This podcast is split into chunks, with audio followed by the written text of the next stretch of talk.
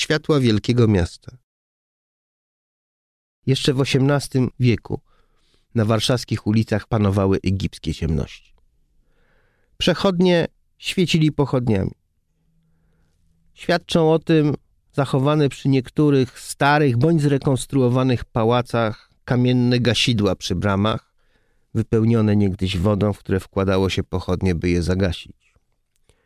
W Królestwie Polskim pod każdym lokalem, pod teatrem, pod operą czekali tak zwani latarnicy.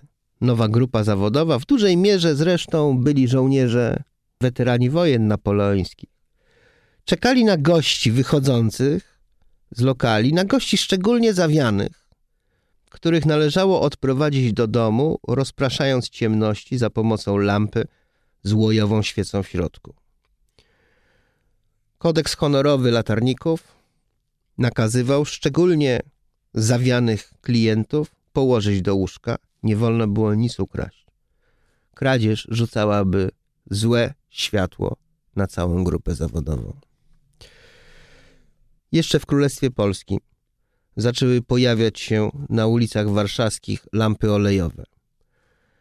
Obsługiwali je latarnicy, którzy obniżali klosz i nalewali paliwo, po czym lampę za pomocą systemu linek i rolek wciągało się na górę. Wszystko to finansowano dzięki specjalnemu podatkowi latarniowemu. W 1856 roku wybudowano w Warszawie pierwszą gazownię i od tego momentu warszawskie ulice oświetlane zaczęły być przez lampy gazowe. Dopiero przed I wojną światową pojawiły się pierwsze lampy elektryczne.